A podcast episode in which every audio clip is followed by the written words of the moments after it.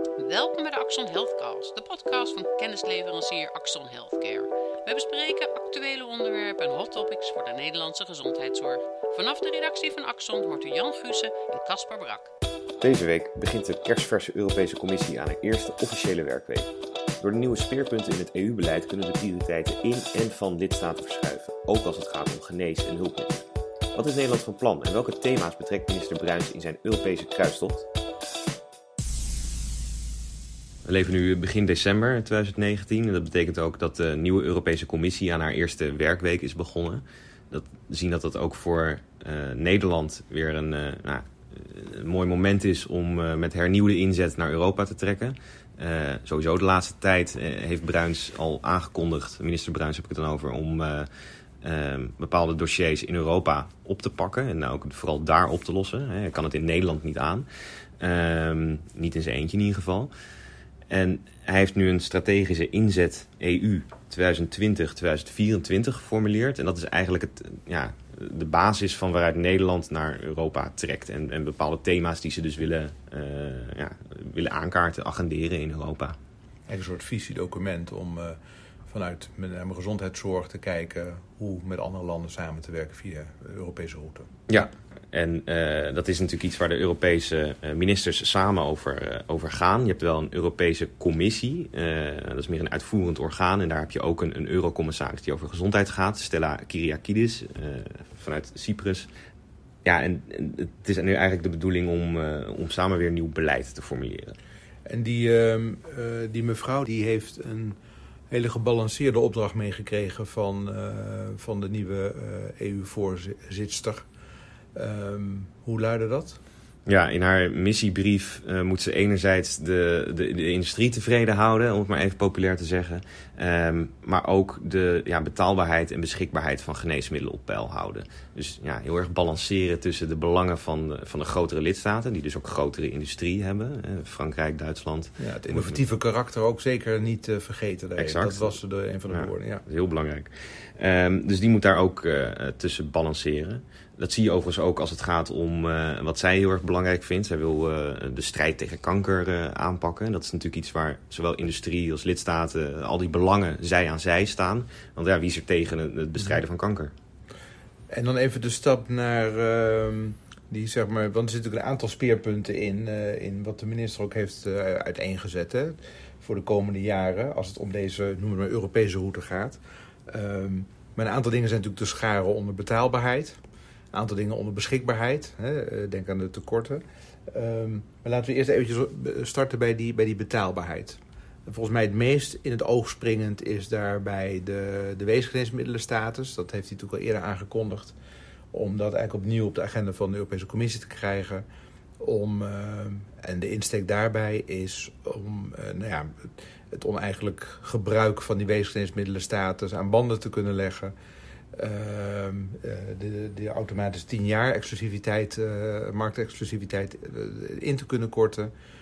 en dat zit hem dan ook vooral in nou ja, de context van de prijsstelling van, van de geneesmiddelen. Dus de plausibele onderbouwing en meer transparantie. Ja, ja want dit zijn echt Europese regels. En vooral Nederland ziet dat daar ja, een aantal geneesmiddelen zijn die die status hebben gekregen. Terwijl er niet lang en duur onderzoek is gedaan. Dat zijn dan de letterlijke woorden van minister Bruins. Um, en in dat geval vindt hij dat tien jaar marktexclusiviteit wel een veel te lange periode is. En er zijn een paar voorbeelden recent uh, ja, die dit heel urgent hebben gemaakt. En hoe groot is de kans dat um, hij hierin slaagt om dit hoog op de agenda te krijgen en dat uh, die verandering eventueel ook zo uh, zal plaatsvinden? Hoe schat je dat in? Uh, een kwestie van lange adem, zoals dat vaker in Europa het geval is. Kijk, zelf zegt hij daarover dat hij het vaak nog wel eens oneens is met ja, grotere lidstaten. En dat zijn dan toevallig ook de lidstaten waar de industrie groot is. Zo zegt hij dat dan ook nou ja, tussen die belangen moet hij ook weer uh, balanceren. Want ja, het is niet zomaar gezegd ja, wat lang en duur onderzoek is. Dus ja, goed, het is weer een heel gevecht hoe je dat dan precies wil vormgeven als je dat wil aanpassen. Maar Nederland vindt het heel belangrijk en heeft het echt bovenaan uh, het wensenlijstje staan. Maar wat je nu aanhaalt is dat er natuurlijk heel duidelijk verschil zit tussen de lidstaten. Je, je noemde al de grotere uh, industrielanden waar ook een grote farmaceutische industrie zit. En dat geldt zeker voor Duitsland, voor Frankrijk, voor, uh, voor Groot-Brittannië. al dan niet binnen de EU, Mhm. die laatste dan nog. Ehm, met andere woorden, hoe kansrijk is überhaupt die, die, die, die, die route die Bruins op, op dat vlak wil gaan bewandelen? Ja, eh, dat, dat zullen we gaan zien. Dat is het eerlijke antwoord. Uiteindelijk, eh, eh, kijk, Bruins zal natuurlijk zeker in Nederland eh, aannemelijk moeten maken dat hij hier echt wel iets eh, aan gaat doen. Want eh, de hele Tweede Kamer is hier unisono op, op, op ja, staat Ja. achter hem, vindt echt dat hier iets moet gebeuren. Ehm, ja, en we, gaan dit nu pas zien, wat er nu in Europa gaat gebeuren. Er zit nu een nieuwe Europese Commissie. Dit debat begint nu op gang te komen. En nou ja, het laat zich wel raden wat die grotere lidstaten vinden. Maar ja, die zullen zich ook wel voor goede argumenten heus niet... eh, eh, ja, heus wel openstaan. En dan hebben we natuurlijk nog een, een, een onderwerp wat onder die, noem het maar even, betaalbaarheid eh, geschaard kan worden. Dat ligt onder die, de HTA's, de Health Technology Assessments. Ehm, dat is natuurlijk iets waar ehm Bruins eigenlijk ook meer gezamenlijkheid eh, in het aanvliegen daarvan eh, eh, opzoekt. Maar ook daar eh, zijn de meningen denk ik eh, op voorhand al over verdeeld. Ja, toch? ook hier zie je weer langs dezelfde stellingnames zie je, de, zie je de, eh, nou ja, dat, dat de grotere lidstaten ook wel eh, eh, hierop tegen zijn, op dat nieuwe voorstel. Want de, oude Europese Commissie heeft begin 2018 een voorstel gelanceerd dat, eh, ja, zeker als het gaat om de, om de wetenschappelijke beoordeling van geneesmiddelen. Dus we hebben het hier niet over kosteneffectiviteit, maar puur over, nou ja, eh, wat doet het geneesmiddel? Is het, is het beter dan de zorg die we al hebben? Om eh, ja, die beoordeling, die Health Technology Assessment, HTA, eh, om dat samen te doen. En dat betekent dan ook dat er een verplichting in zit dat lidstaten dat niet op eigen houtje opnieuw moeten doen. Dus uiteindelijk moet dat alles sneller maken, moet die hele beoordelingsprocedure moet dat sneller maken. En daarmee de toegang voor de patiënt feitelijk tot het nieuwe geneesmiddel zou het moeten versnellen. Ja, maar juist die verplichting die erin zit, daar zijn de grotere lidstaten op tegen. Ook Polen en Tsjechië ehm, kan je hier nu ook onder rekenen. Ehm, ja, want het gaat in tegen het principe van subsidiariteit en proportionaliteit. Dat betekent eigenlijk dat zij vinden eh, dat dit een nationale bevoegdheid is. Ehm, want het staat allemaal aan het begin van, eh, ja, van het vergoedingsvraagstuk. En dat is echt een nationaal vraagstuk, dat zeggen zij. Naarmate we meer bij het eh, vraagstuk van vergoeden komen, zeg Ja. maar, dan zie je dat je natuurlijk terug gaat vallen op nationale eh, eh, systematiek. Ja, want landen willen natuurlijk altijd eh, zeggenschap houden over hun eigen geld. Ja. Dat, daar draait het wel op neer. Komt het wel op uit. Ehm, en nou, dit thema lag überhaupt een half jaar stil toen Roemenië EU-voorzitter was. Want nou ja, al die, eh, elk half jaar wisselt het EU-voorzitterschap. Dan is dan eh, het betreffende land eh, voorzitter. Dus Roemenië heeft het überhaupt niet, eh, niet aangepakt, want nou ja, te politiek gevoelig.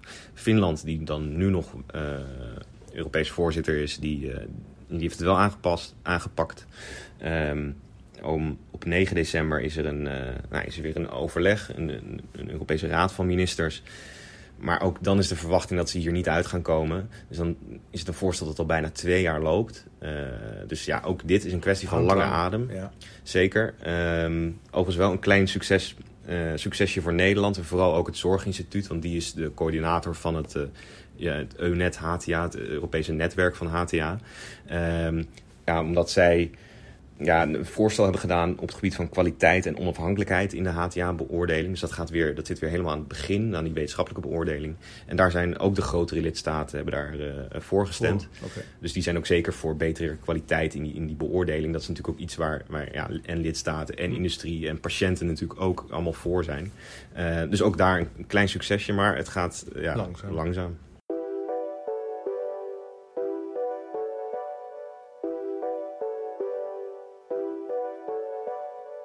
Ja, en de- het andere thema, ehm, als het over een meer Europese gang gaat, eh, is dan meer die beschikbaarheid. Hè? En er vallen natuurlijk een aantal onderwerpen onder. Een daarvan is de, de, de, de, de tekorten, geneesmiddelentekorten. Wat natuurlijk een hot item is. Waar Bruins natuurlijk ook eh, in Europees verband ehm, ja, wellicht een oplossing voor, voor wil, wil vinden.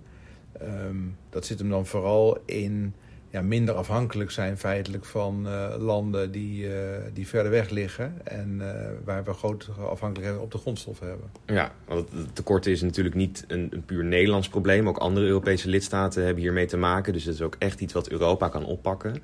Ehm, en inderdaad minder afhankelijk zijn van China als grondstoffen producent en India echt vooral als, als geneesmiddelen, geneesmiddelenproducent. Producent. Ehm, ja, vooral China is natuurlijk, zien we natuurlijk de laatste tijd ook, dat daar veel ja, kritischer over wordt gepraat. En niet alleen met Huawei, die, die, die tech-fabrikant.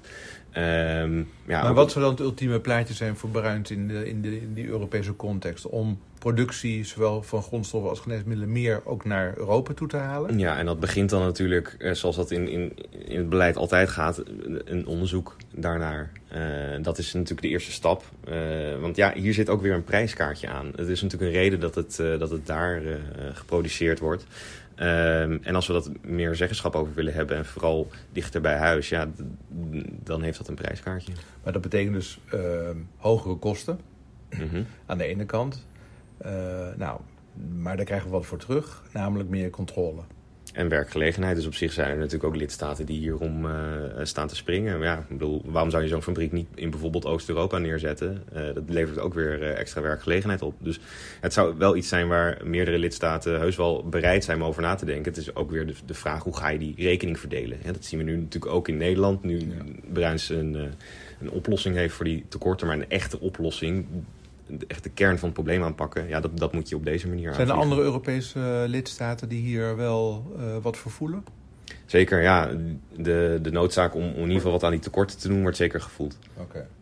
Ja, en dan misschien nog iets wat in de context uh, kan vallen van die beschikbaarheid van geneesmiddelen is dat volgens mij Bruins ook wil onderzoeken of het te verplicht, verplicht te stellen is dat na um, markttoelating fabrikanten eigenlijk verplicht worden om hun middel in alle landen, alle Europese landen ter beschikking te stellen en niet eventueel selectief. Ja, dit uh, vindt Nederland al sinds 2016. Toen was Nederland de, de EU-voorzitter. Toen heeft Schippers dit uh, inderdaad geïntroduceerd. Sommigen zeggen dat dat ook mee heeft gespeeld in uh, de overweging om, het, ja, om de EMA aan Nederland te gunnen. In ieder geval heel veel Oost-Europese landen die waarderen dat Nederland het met ze eens is dat fabrikanten op het moment dat ze een Europese markttoelating hebben, dan ook hun geneesmiddel overal in, in Europa moeten introduceren.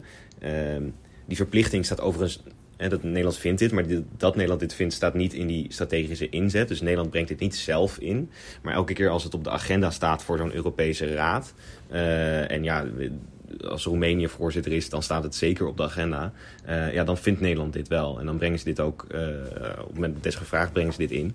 Um, dus Nederland vindt het al sinds 2016. Um, ehm, ja, en ook hier zie je weer dat ze willen toewerken naar een, ja, weer naar een Europese markt eigenlijk. Ja met dezelfde kanttekeningen en uitdagingen van een aantal landen eh, eh, die we net al hebben besproken. Aan de andere kant denk ik, het punt van de EMA hier um, is natuurlijk ook niet meer dan een, een, een nou ja, in, in, in, een, in een procedure een, een radertje waar Nederland nou ja, misschien qua uitstraling, maar verder eigenlijk niet heel veel mee geholpen is in deze Europese agenda. Ik bedoel, door het feit dat de EMA hier zit, heeft Nederland als land niet op zich meer um, um, een grotere vinger in de pap. Nee, Nederland kan niet ineens die grotere lidstaten overrulen. Nee, zeker Exact niet, ja. Oké.